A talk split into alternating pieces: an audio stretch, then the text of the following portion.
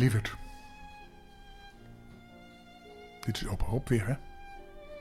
We hebben weer een verhaaltje voor je. Want dat doen we elke avond voor we slapen gaan. En dan ga jij weer lekker onder de dekens liggen. Met je oogjes dicht. Dekentje over je heen. Hmm, heerlijk slapen. Hè? Heb je al tegen je vriendjes verteld dat je elke avond onder de dekens naar meester Pompelmoes luistert? En heb je ook verteld dat meester Pompelmoes echt niet van appelmoes is?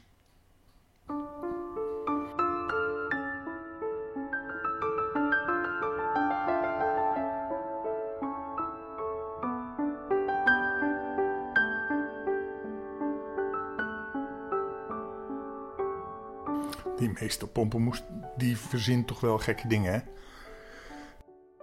Gisteren was die zo waar in een boekenkist geklommen. Nou, en vandaag komt hij een treurige hond tegen. Meester Pompelmoes en de treurige hond. Meester Pompelmoes, en die is niet van appelmoes, was in een goede stemming. De kinderen van zijn klas waren die dag erg aardig geweest. En hij had niet één keer iets hoeven te verbieden. Dat was toch wel mooi. Had zelfs onder het rekenen een half uurtje stiekem kunnen slapen achter zijn lesnaar. Terwijl de kinderen hun sommen aan het overschrijven waren. Wat erg dom was van ze. Want meester merkte dat later toch wel. Maar aan de andere kant behoort een schoolmeester natuurlijk niet te slapen in de klas. Meester Pompemoes had echter al net zo'n hekel aan tekenen, aan rekenen of aan tekenen, aan rekenen, als de meeste kinderen. En daardoor viel hij wel eens in slaap, nadat hij bijvoorbeeld een moeilijke tiendelige breuk had uitgelegd. In elk geval voelde hij zich nu heerlijk uitgerust toen de bel ging. En dat was maar goed ook, want hij moest helemaal naar huis wandelen, omdat zijn fiets weer eens een lekker band had gehad en naar de fietsenmaker ging. Toen meester zo'n tien minuten gelopen had, zei hij tegen zichzelf: Het is eigenlijk nog best aardig weer, al zitten we bijna in de winter. Ik moest maar eens een ommetje door het park gaan maken. De vrije natuur om je heen en een beetje frisse lucht in je neus kan nooit kwaad. Maar het park zag er maar treurig uit toen de meester daar binnen wandelde. De bomen hadden bijna geen bladeren meer. En de bloemen bloeiden er natuurlijk ook niet.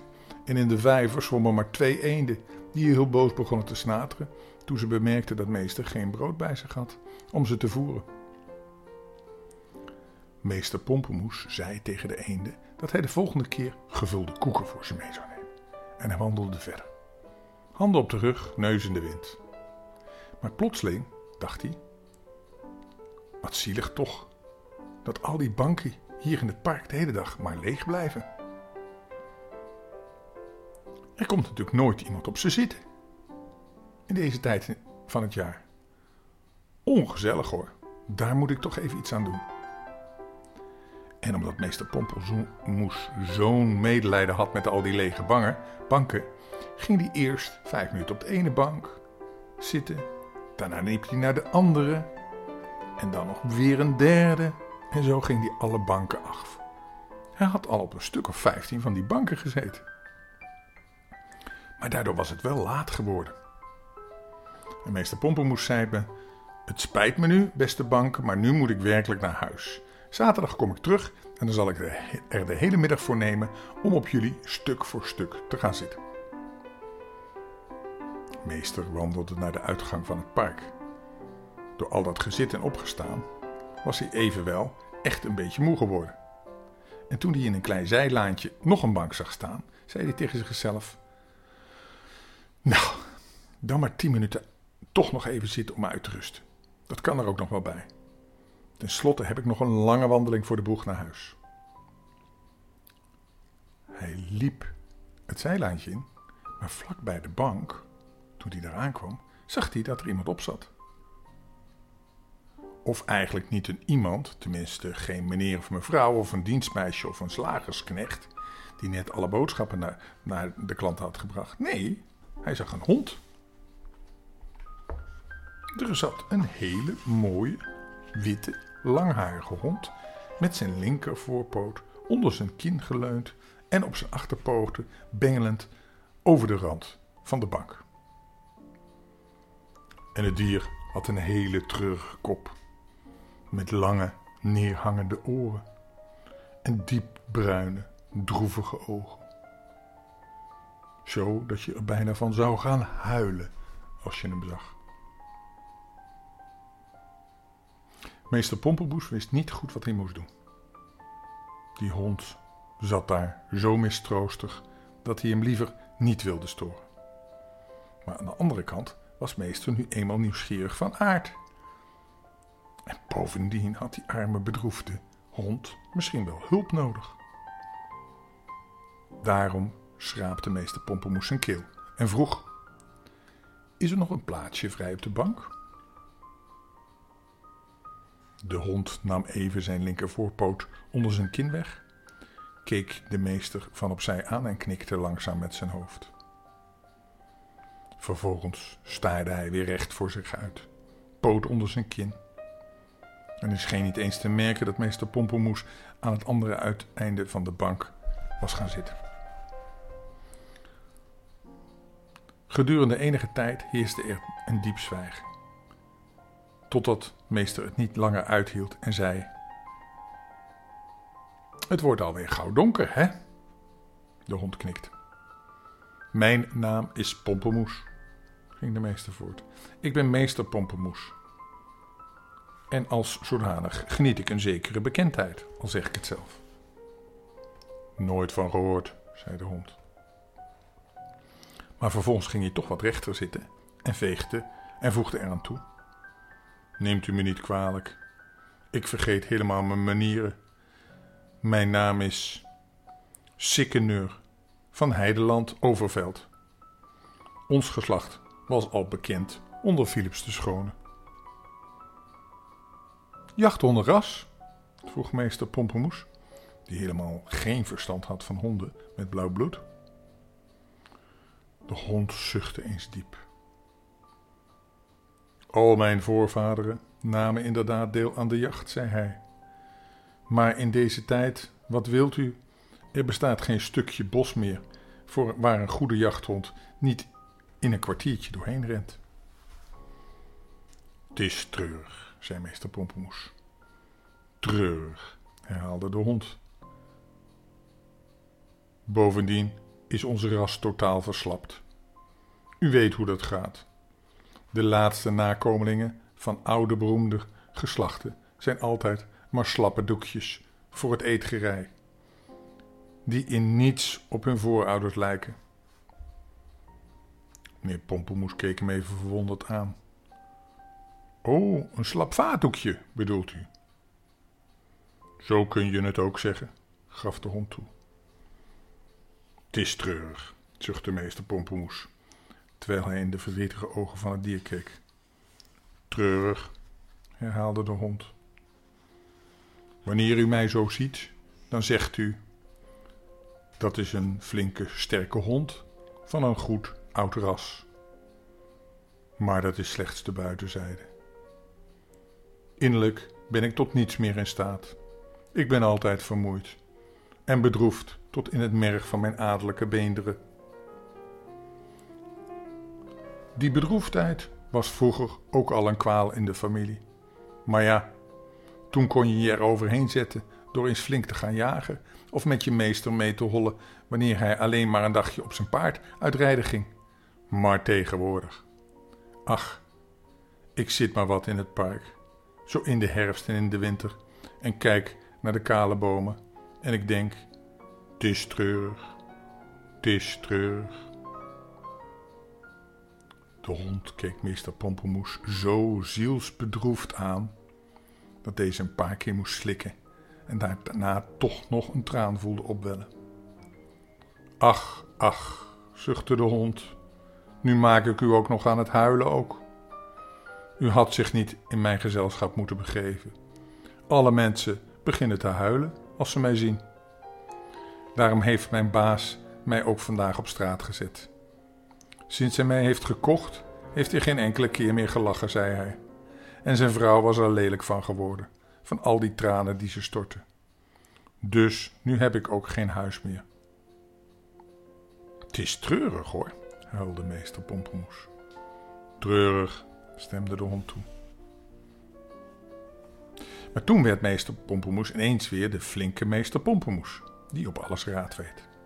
Hij wiste zijn tranen af en zei kordaat: Als je geen thuis meer hebt, dan ga je maar met mij mee. Erg vriendelijk van u, maar dat mag ik u niet aandoen, zei de hond. U weet niet waar u aan begint. Nou, ik duld geen tegenspraak, zei meester Pompemoes. U weet dat misschien niet zo, maar schoolmeesters mag je nooit tegenspreken.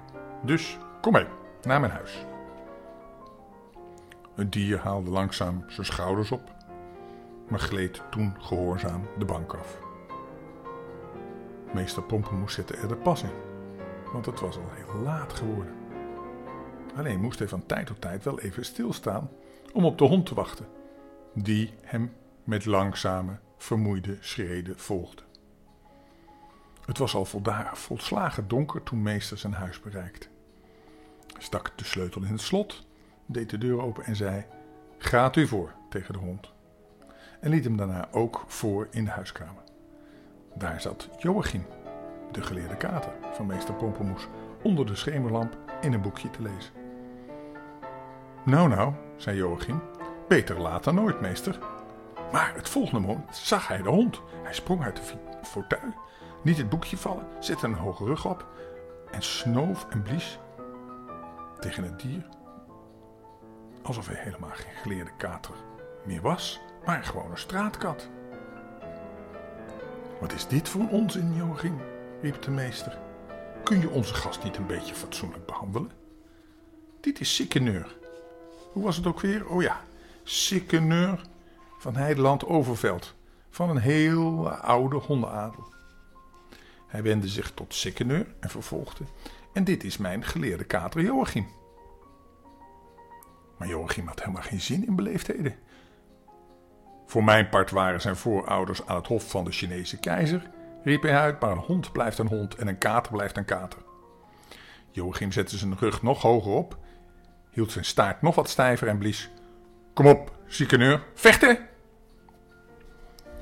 De hond keek hem treurig aan en zei: Onze familie heeft nooit op katten gejaagd. Oh, maar mijn familie altijd op honden, zei Joachim. Hij sprong op de hond af en begon hem overal te krabben en te bijten. En toen Sikkeneur de vlucht nam, rende hij hem achteraan, de trap op en het hele huis door. Wie had dat nou van onze kater verwacht?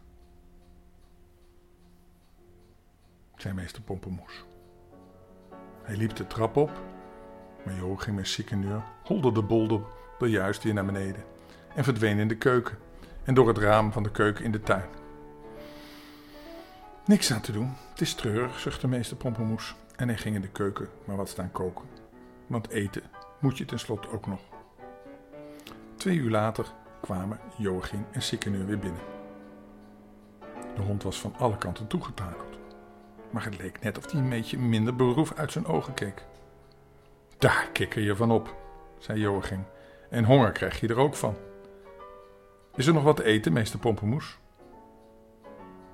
Meester wees naar de twee borden die hij voor Joachim en Sikkeneur had klaargezet en zei: Maar nu moeten jullie wel ophouden met vechten, Joachim. Ik schaam me er gewoon voor. Ben je mal, meester, zei Joachim, dat is juist goed voor En dat was nog waar ook, want Sikkeneur werd zo door Joachim achterna gezeten dat hij bijna geen tijd meer had om terug te kijken. En toen Sikkeneur eindelijk besloot om toch ook maar eens een beetje terug te vechten, begonnen zijn droeve, neerhangende ogen zelfs rechtop te staan. Hij keek zijn tegenstander aan als die aankwam. En dan keken zijn ogen steeds uitdagend en dan ging hij blaffen. Hier komt Sikkeneur van Heideland Overveld. Uit de weg, ik val aan. Joachim en Sikkeneur werden de beste vrienden, ook al vochten ze als kat en hond.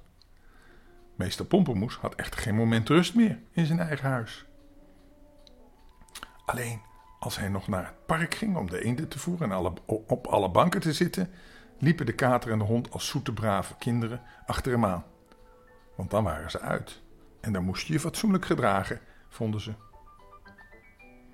Maar meester Pompenmoes zat dan op zo'n bank en keek naar de kale bomen en zuchtte.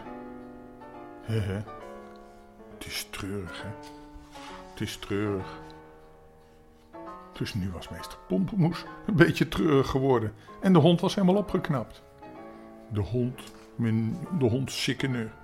Nou heeft meester Pompenmoes notabene al twee huisgenoten. De geleerde kat en de hond Sikkeneur.